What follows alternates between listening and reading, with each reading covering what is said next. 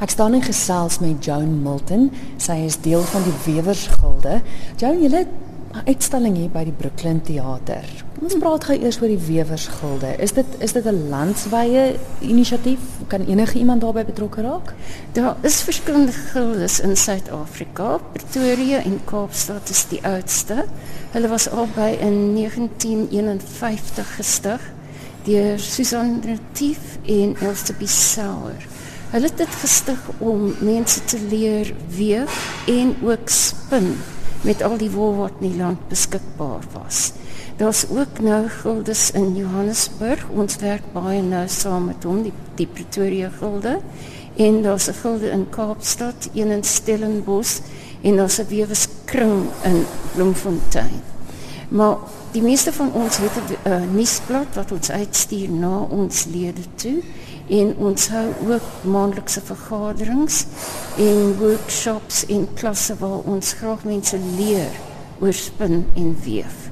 Word daar oorwegend geweef met wol of het dit al ook oor die jare verander? Ehm um, mense ge gebruik wol definitief. Daar jy kry wel mense ek is een van hulle, ek is hiperallergies vir wol die die skubbe wat afkom ja? as jy weef. So ek self weef nooit of baie selde met wol. Ek sal dit doen. Wol is goed in dat dit 'n elastiese draad is. As jy dit rek, spring dit terug na sy oorspronklike lengte en dit maak dit baie geskik vir weef. En natuurlik as mens die warmte wil hê, is dit ideaal. Soos as mense dink aan jou tweed stowwe en sulke goed. Hulle is almal egte suiwer wol en dit is 'n wonderlike vesel om mee te werk. En die ander ding van wol is dit vat kleur baie mooi. So jy kan wonderlike kleure self ehm um, nou kan ek nie aan die woord. You can dye them. Ja, kleur, ja. Ja, kleur dit met met met 'n wolkleurstof en dit kry baie interessante kleure. Terwyl spesies soos linne wat harde is, is meer moeilik om te kleur. Nou as jy nie met wol weef nie, waarmee weef jy dan? Um katoen, mm -hmm. linne en dan natuurlik is daar al die bamboevesels. Wat hulle sê baie goed vir die ekologie is, maar mens moet onthou dit is gemaak presies soos rayon in die ou dae gemaak is. Hulle maak 'n soort van 'n pap sop daarvan en dan spuit hulle dit uit. Nou natuurlik daarbey word chemikalieë gebruik. So alhoewel die bamboes nie so baie water nodig het soos byvoorbeeld katoen, is daar nog 'n chemiese proses daarbey, maar dis 'n baie mooi draad en dan is daar ook ander sintetiese drade. En enige iets waarmee mens kan brei, kan jy meer weef. Miskien nie vir jou skering, die lang drade. Mm maar jy kan dit as jou inslag gebruik die kort drade wat van kant tot kant van jou weefstuk gaan. Mense is baie maklik geneig om neer te kyk of weefwerf en te dink dis nie kuns nie, maar ek staan en kyk nou na die werkie om ons. Dis eintlik niks anders as verf net met wol of met linne of katoen nie. Ja, as mens dink aan tapisserie wat wat in in hierdie land is dit bietjie moeilik want want hulle noem gebruik ook die woord tapisserie vir kruissteek of halwe kruissteek. Mm -hmm. Soos die in die voortrekke monument is nie geweef nie. -hmm. Hulle is is naaldwerk. Maar ehm um, tapisserie, as jy dink aan die van wat in Frankryk gemaak het, is daar iets soos dink 25000 klere wat hulle skakerings wat hulle gebruik in daardie weefwerke.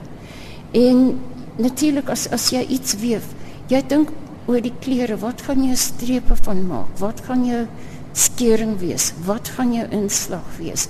Wat wat is die doel daarvan? Wil jy 'n kledingstuk maak of 'n tapijt of 'n lampskerm of tafellinne? Daar is soveel goed wat jy kan maak en jy gebruik 'n draad wat geskik is vir die doel wat jy wil hê. Ons staan nou hier langs 'n 'n weefraam, is dit? Dit is 'n weefstoel. weefstoel. Die stoel in die ou dae was stoel enige soort gereedskap amper. So hierdie is 'n tafelweefstoel wat mense op 'n tafel kan gebruik. Jy kry natuurlik ook die groot weefstoele met hulle trappers wat gouer is om om op te weef van die trappe en kontroleer die skagte. En met 'n tafelmodel moet jy die skagte met hefboomskagte optel en dan tel jy die skagte op in die orde waar jy wil weef. Jy jy ryg jou skering deur, deur volgens 'n patroon. As mens nou een skag optel, sien dit net party van die drade Ja, ja. wat opgetel is. En 'n ander skei um, skaglig maak 'n ander skeiding. En dit is waar jy dan jou ehm um, inslagdrade deursit en jy kry die patroon wat jy ehm um, gereig het. Ja, maar mens En moet as kop hou. Jy moet kop hou. Dit as effe weef soos op jou lakens of mm. is is net heen en weer. Daar's mm. nie baie kop hou. En maar, maar met 'n patroon is dit baie kop hou en ook as jy sien op hierdie patroon is die selfkante egalig en simmetries. Mm. Mens moet die rekenkunde doen om dit so te kry. So daar's ook 'n bietjie jy vind dat mense wat ehm um, met rekenkunde goed is pas baie gou by, by weef aan. Hulle verstaan dit onmiddellik. Terwyl die wat dit nie verstaan, jy moet bietjie meer verduidelik, maar dis nie moeilik om te doen. Maar die die ding is dit dit is soveelsidig. Want jy kan dik goed weef, jy kan dun goed weef, jy kan enige iets weef wat jy wil. Jy hoef nie net te doen wat in 'n boek staan. Jy besef later jy kan jou eie patrone gebruik. Dit is ongelooflik as mens kyk na na die uitstalling wat nou spesifiek hier by die Brooklyn Theater is.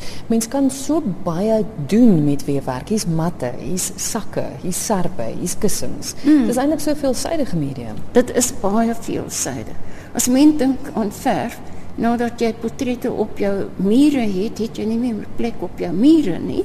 Of jy moet een ding gaan wegpak om 'n ander op te hang, terwyl jy kan altyd nog 'n kussing ergens neersit of 'n wonderlike stil tafelmaatjies maak of stoles of hele uitrusting. Ek sal nou net sê die uitrusting wat Joan hier aan het is baie besonder. Het jy dit self gemaak? Ja, ek het dit self geweef. Wow. Daar was strepe van sewe verskillende kleure in die skering. En dan die inslag was met drie skytjies geweef en elke skytjie het 'n ander kleur opgehaal sodat jy strepe kan kry of jy kan natuurlik kort streepies kry wat jou dan blokke gee. So as jy eers begin weef, kan jy net eindeloos aangaan want daar is so so baie wat mens kan doen.